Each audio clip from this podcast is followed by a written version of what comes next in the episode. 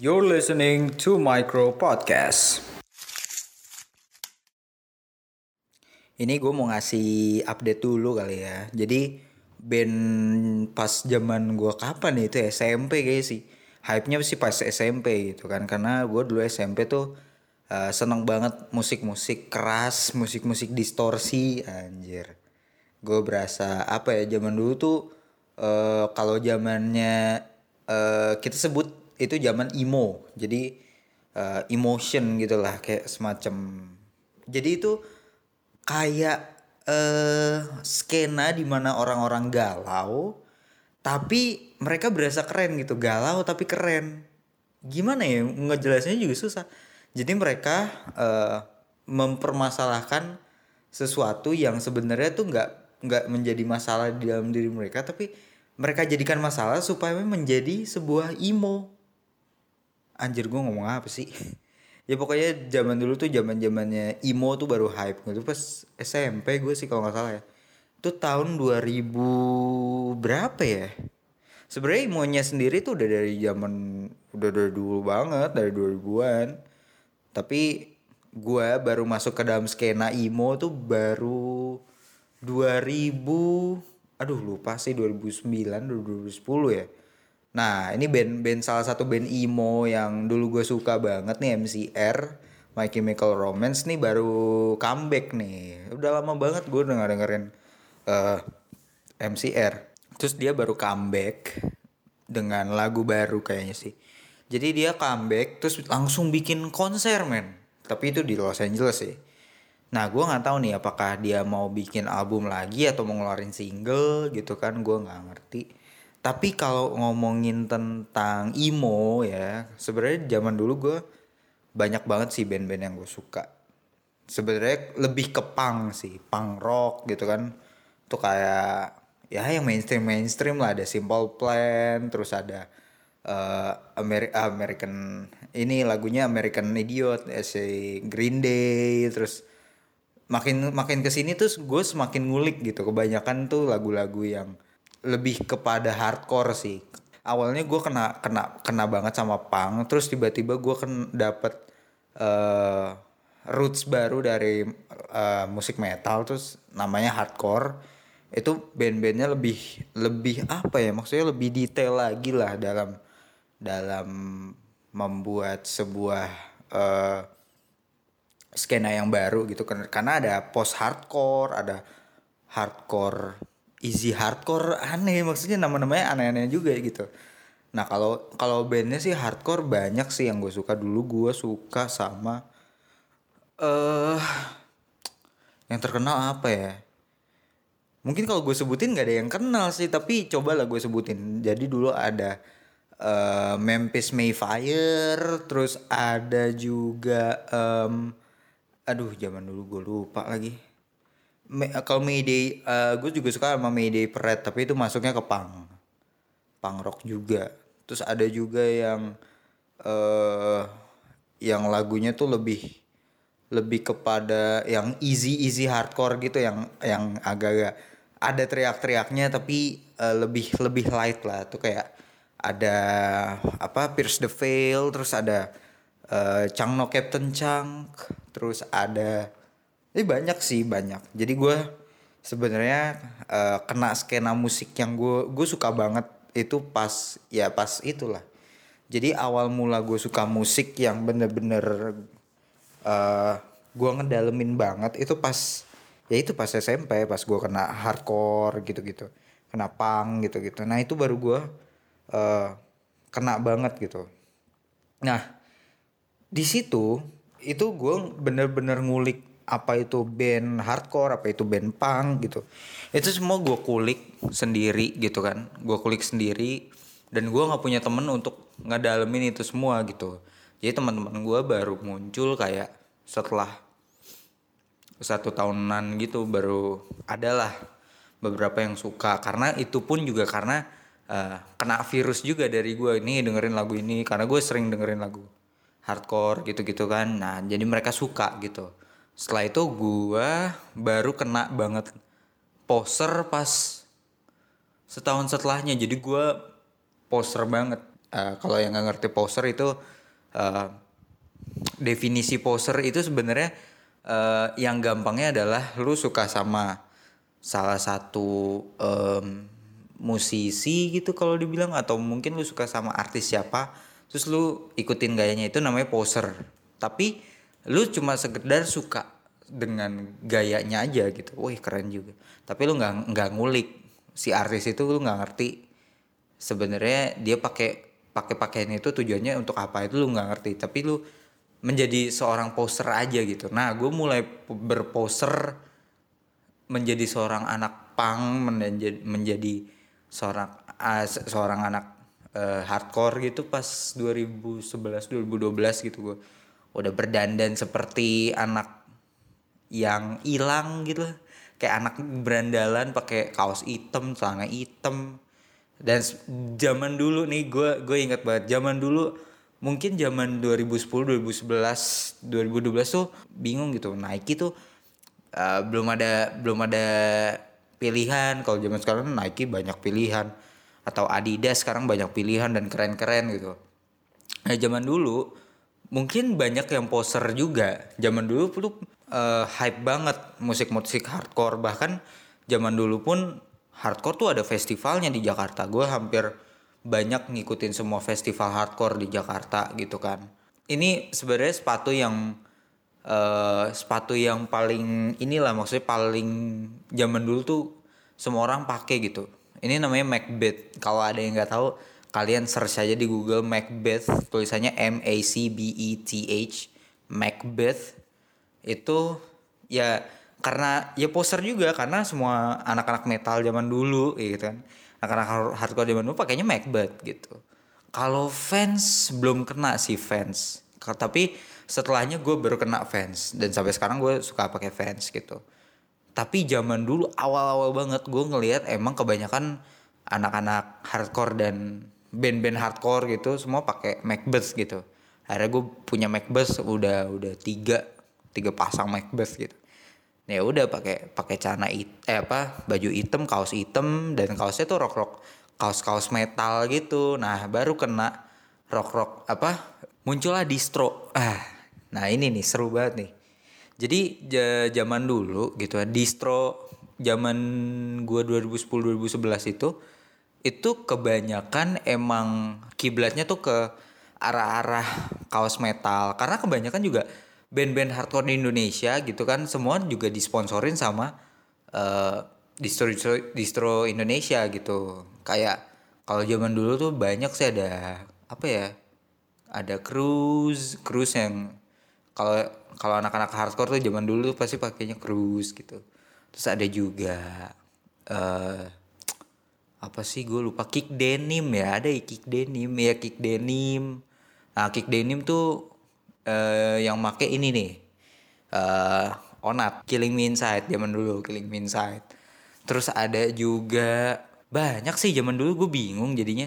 Banyak banyak gue dulu uh, hampir suka beli kaos-kaos distro gitu.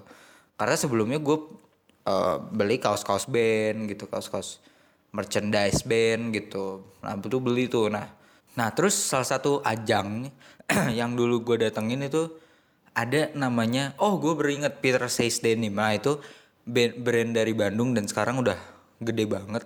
Apalagi di luar tuh gede banget. Karena dulu zaman dulu gue nggak mampu beli celananya itu mahal banget. Itu bisa 800 900an ribu lah gitu. Di pertama kali gue nonton konser hardcore itu uh, dari Peter Says Denim namanya apa ya? Rocket Rock roket apa gitu gue lupa. Nah itu ada Pierce Veil ada si ini aduh lupa teh apa ya? Ada ada Pierce the Veil ada Cakno Captain Chang terus satu lagi uh, si aduh eta lupa siapa ah, siapa ya? Yang ini lagunya uh, aduh lupa lupa sih gue yang lagunya yang dia di Kelin Queen itu siapa sih? Aduh lupa. Pokoknya lu cari sendiri deh yang vokalisnya namanya Kellen Queen K A eh sorry. K E K E L L I N Kellen Queen. Queennya tuh Q U E N N. Iya bener ya? Siapa sih? Gue lupa Kelin iya gue Kelin Queen. Iya gue lupa deh pokoknya. Nah itu mereka konser di Jakarta terus itu seru banget dan ya zaman dulu zaman dulu ya ya mereka yang jadi kiblat kita gitu. Maksudnya kiblat kita dalam fashion kiblat kita dalam bermusik juga gitu. Karena zaman zaman zaman dulu itu lagu tuh nggak ada pilihan. Maksudnya musik tuh nggak ada pilihan. Hip hop masuk cuma nggak sebesar hardcore zaman dulu karena tiap saat di di Jakarta khususnya sih di Jakarta itu selalu bermunculan band-band baru band-band hardcore yang baru gitu. Ya mereka dengan kualitas yang sama dengan lagu yang sama ya mereka mainnya asik. Cuma yang menjadi uh, concern adalah wadahnya yang nggak ada gitu. Akhirnya nah akhirnya pas itu kebanyakan gue dapet referensi dari YouTube lagu-lagunya. Dan lagunya enak-enak. Zaman dulu ada ada juga ini tertin nah ini pasti tahu nih tertin tuh bandnya Cruz juga tuh Cruz jadi Cruz itu uh, salah satu distro yang juga bikin uh, home record recorder eh recorder. Ngapain Cruz bikin bikin home recording gitu? Namanya Cruz Cruz Records nah itu salah satu band dari mereka itu namanya tertin. Nah itu seru juga tuh tertin. Di anak hardcore bangga bangga bangga enggak. Karena zaman dulu tuh yang namanya mungkin skenanya tuh enggak enggak dapat buat cewek-cewek. Cuma ya kalau zaman sekarang mungkin orang-orang party goers ya mungkin eh, skenanya anak-anak ya anak-anak muda gitu anak-anak SMA cewek-cewek cakep-cakep gitu kan. Kalau zaman dulu gue jadi anak hardcore ya batang semua ketemu da dalam festival sih ya. Batang semua ada sih cewek cuma ya nggak beberapa ya beberapa gitu. Nggak nggak nggak nggak semua anak cewek. Tapi kalau lu seneng nang namanya EDM gitu-gitu lo akan seneng lo akan gembira gitu. Karena ya isinya ya cewek-cewek cakep wangi gitu kan. Ah, enak cuy. Daripada jadi anak hardcore itu awalnya awalnya gue kena karena uh, interviewnya siapa ya? Aduh gue lupa. Gue kenapa kok lupa mulu ya? Ya pokoknya interview salah satu band gitu dari fans dari fans gitu ada band gitu kan. Wih lagunya enak nih gitu kan walaupun ya agak-agak annoying teriak-teriaknya tapi ya gue suka gitu. Cuma kalau dibilang kenapa gue berhenti nge hardcore sekarang ya mungkin karena terbawa oleh ini juga terbawa oleh pasar juga. Karena kalau lu lihat zaman sekarang itu nggak ada sama sekali band band-band yang yang berdistro berdistro gimana sih berdistro kan? Berdistorsi kayak dulu gitu. Kayak zaman dulu banyak banget. Bahkan bahkan lagu-lagu metal lagu-lagu yang screamo screamo emo gitu masuk TV cuy. Sekarang nggak ada maksudnya yang bermunculan pun juga nggak kedengeran gitu. Zaman dulu kedengeran banyak banget gitu kan di YouTube. Lu pasti ngeliat dari YouTube kan ya kan? Nah sekarang udah nggak ada gitu. Kangen juga sih sebenarnya gue kayak zaman zaman dulu apa zaman dulu tuh kita rambut harus harus gondrong ya kenapa karena kita mau headbang deng deng deng deng deng deng deng ya kan harus harus sama-sama ritmenya juga gitu kan harus headbangnya deng deng deng deng deng deng pala pala naik turun naik turun nah itu harus kepala eh, apa rambutnya tuh harus gondrong juga biar asik gitu kan nah kalau zaman sekarang kangen sih. Nggak kalau gue dibilang kalau kalau gue bilang ya apa ya? Iya maksudnya kalau zaman sekarang karena mungkin se ini opini gue sih mungkin karena anak band sekarang udah males soalnya sekarang lu pakai software Logic gitu atau sekarang apa sih FL Studio ya FL Studio gitu gitu lu bisa ya lu bisa masukin instrumen kayak gitar atau lu masukin drum itu nggak usah lu take take lagi di studio lu bisa pakai itu aja pakai pakai dari apa namanya pakai dari software itu Logic. Waktu itu gue pernah main di salah satu studio gitu lebih tepatnya di studio kampus gue dulu. Gue lagi merhatiin temen gue gitu kan dan itu nggak ada barang sama sekali itu di di dalam situ ada band sebuah band. Terus uh, gue sih nggak nyebutin bandnya cuma di situ udah ada band gitu kan. Terus gue masuk gitu kan. Terus gue masuk gue tanya e, lo ngapain sih? Lagi take. Hah? Take take apa? Take vokal. Terus gue mikir ini kan band masa masa semuanya harus di sini gitu kan? Ya kalau mau take vokal ya ya vokalisnya aja gitu. Terus gue ngeliat gitu di komputernya ada software Logic. Dia masukin fill in masukin fill in gitar terus fill in drum ya dari situ aja gitu. Ya mungkin anak-anak band sekarang juga ya males maksudnya ya udah udah pakai software gitu tinggal tinggal masukin pattern kalau ada yang drum gitu kan. Tinggal masukin kunci-kuncinya kalau yang gitar gitu kan. Dan itu suaranya ya outputnya itu beneran kalau gue bisa kalau gue bisa bilang ya kalau gue bisa bilang itu tuh sebuah penemuan yang menurut gue bikin mati alat-alat musik zaman sekarang sih. Kayak drumnya terus gitarnya itu suaranya bener-bener plek ketiplek sama yang gitar aslinya gitu. Bahkan mungkin bisa dibilang suaranya itu lebih clean. Lebih apa ya?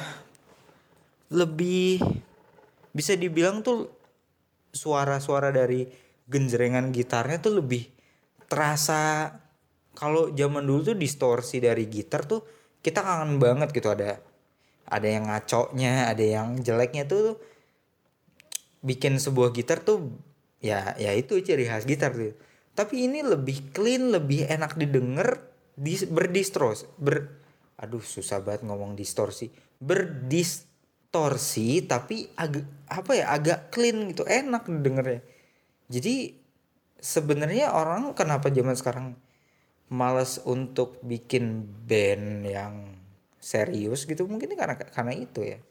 Karena sekarang kan banyak banget gitu ya musisi-musisi yang yang udah beralih kepada yang sekarang kan pakai synthesizer gitu-gitu kan. Lagu-lagu ya elektronik pakai elektronik elektronik gitu. Seru sih zaman dulu tuh seru banget. Kalau menurut gue ya kalau gue nggak bisa matokin sih maksudnya kalau musik ya gue nggak bisa matokin sih. Maksudnya gue dengerin musik tuh harus sesuai dengan genre yang gue suka nggak bisa. Gue gue dengerin lagu ke apa pun yang gue suka even itu dangdut kalaupun ada yang gue suka ya ya gue suka suka aja. Tapi untuk saya sih gue nggak suka dangdut gitu.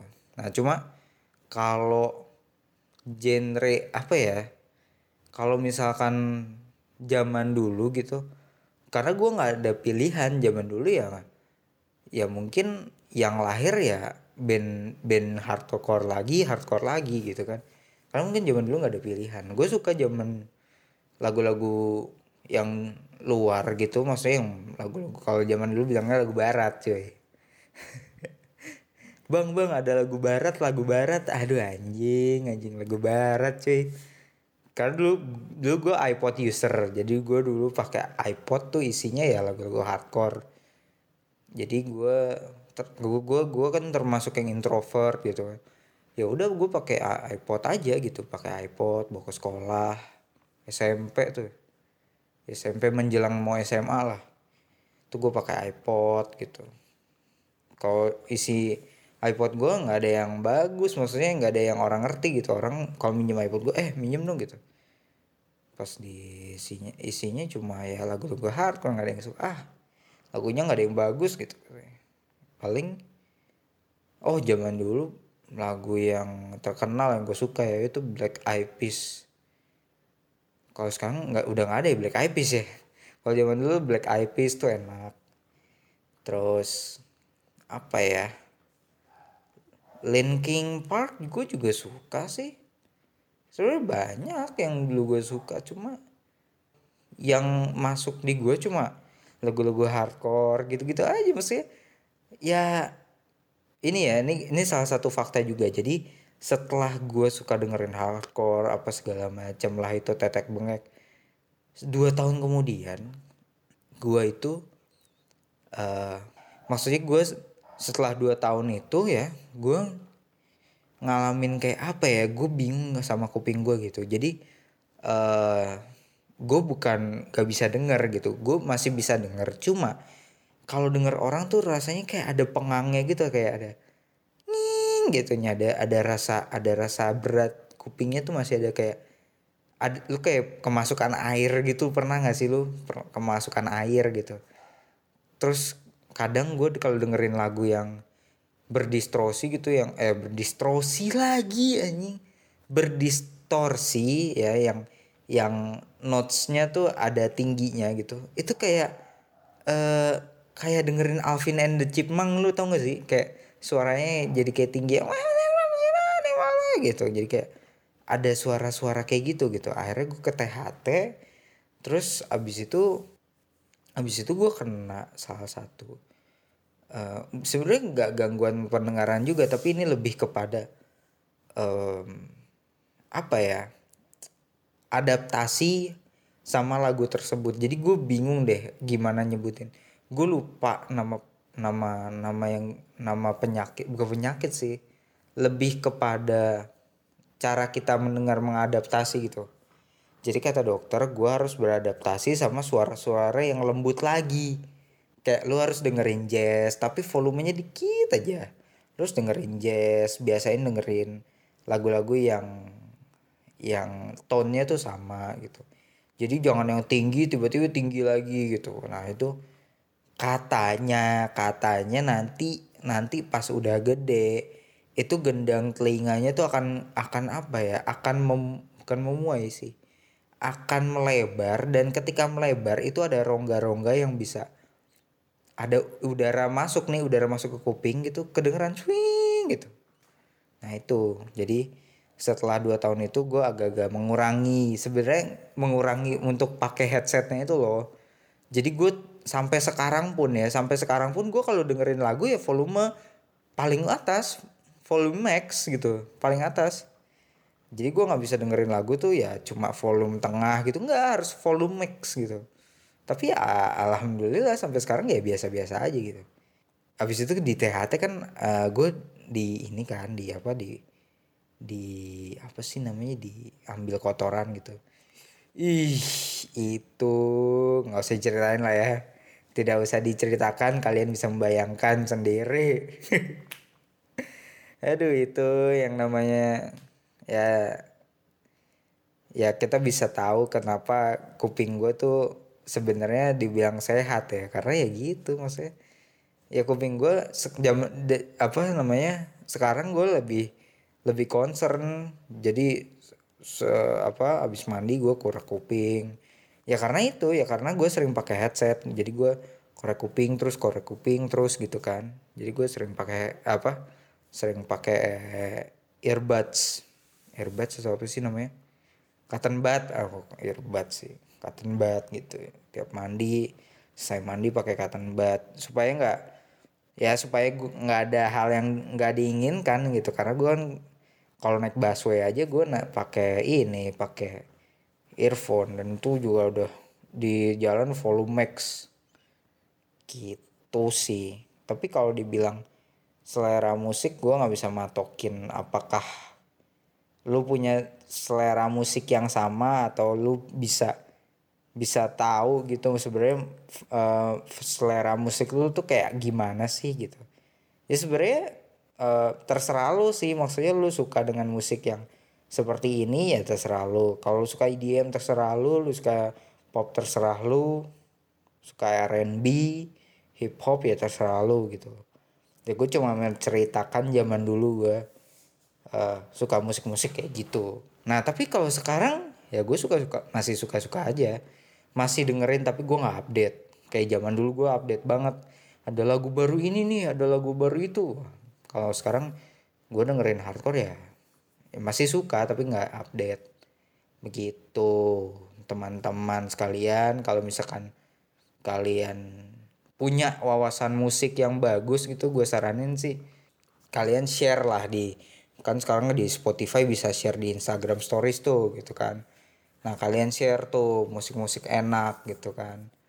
Uh, the best music gitu. Kasih caption gitu. Jangan jangan yang galau-galau gitu. Galau lu lagi galau terus share Spotify gitu. Duh. Lagu galau lu ketebak. Kalau lagu galau paling apa coba? I'm not okay I promise bang satu lagu. Nggak nggak. Apa ya kalau lagu galau zaman sekarang itu. Apa yang yang lagu Indonesia tuh gue lupa yang Versa Besari. Aduh. Ini gue sorry sorry banget ya tapi gue nggak suka Versa Besari. Gue bukan benci tapi gue nggak suka. Setiap denger di radio itu gue ganti. Nggak tahu gue nggak bukan nggak suka sih. Apa ya gimana ya ya terserah sih kalau mau suka ya silahkan tapi kalau gue buat gue gue nggak suka. Banget. Gue gak suka banget. Versa Besari I'm sorry tapi uh, lu lanjutin karya lu ya kalau menurut orang itu bagus ya silahkan lanjutkan kalau gue personally nggak suka. Dengan rasa hormat gue bilang nggak suka. Bukan berarti gue benci tapi gue cuma nggak suka aja. Gitu apakah kenapa kenapa lu gak suka? Ya ya itu sebenarnya ya selera musik orang kan beda-beda gitu. Ada yang suka ada yang enggak lu kan pasti nggak suka ada yang nggak suka dengan musik keras kayak gua gitu. Ya lu berhak nggak suka. Ya gue gue nggak suka Virsa Besari ya. Ya gue juga berhak untuk nggak suka gitu gitu. Bukan karena apa-apa. Ya gue bisa aja suka cuma ya mungkin nggak cocok aja sama genrenya sama genre gua gitu nggak cocok aja gua gitu. Ya jadi kalian kalau punya um, referensi lagu bagus gitu lagu yang enak uh, bisa kasih caption di Spotify gitu the best song gitu. Atau bring a good mood gitu enak kan gitu. Jangan lagu galau di share mulu aduh. Move on kali guys. Haha aduh ngantuk eh sekarang sudah jam 3 pagi ya bingung gue tuh tidur jam segini terus ya Kapan bisa tidur enak? Ya, ya sudahlah. Kalau begitu kita akhiri dengan membaca sebuah apa ya? membaca sebuah surat tanah. Aduh nggak tahu. Ya, oke. Okay. Bye.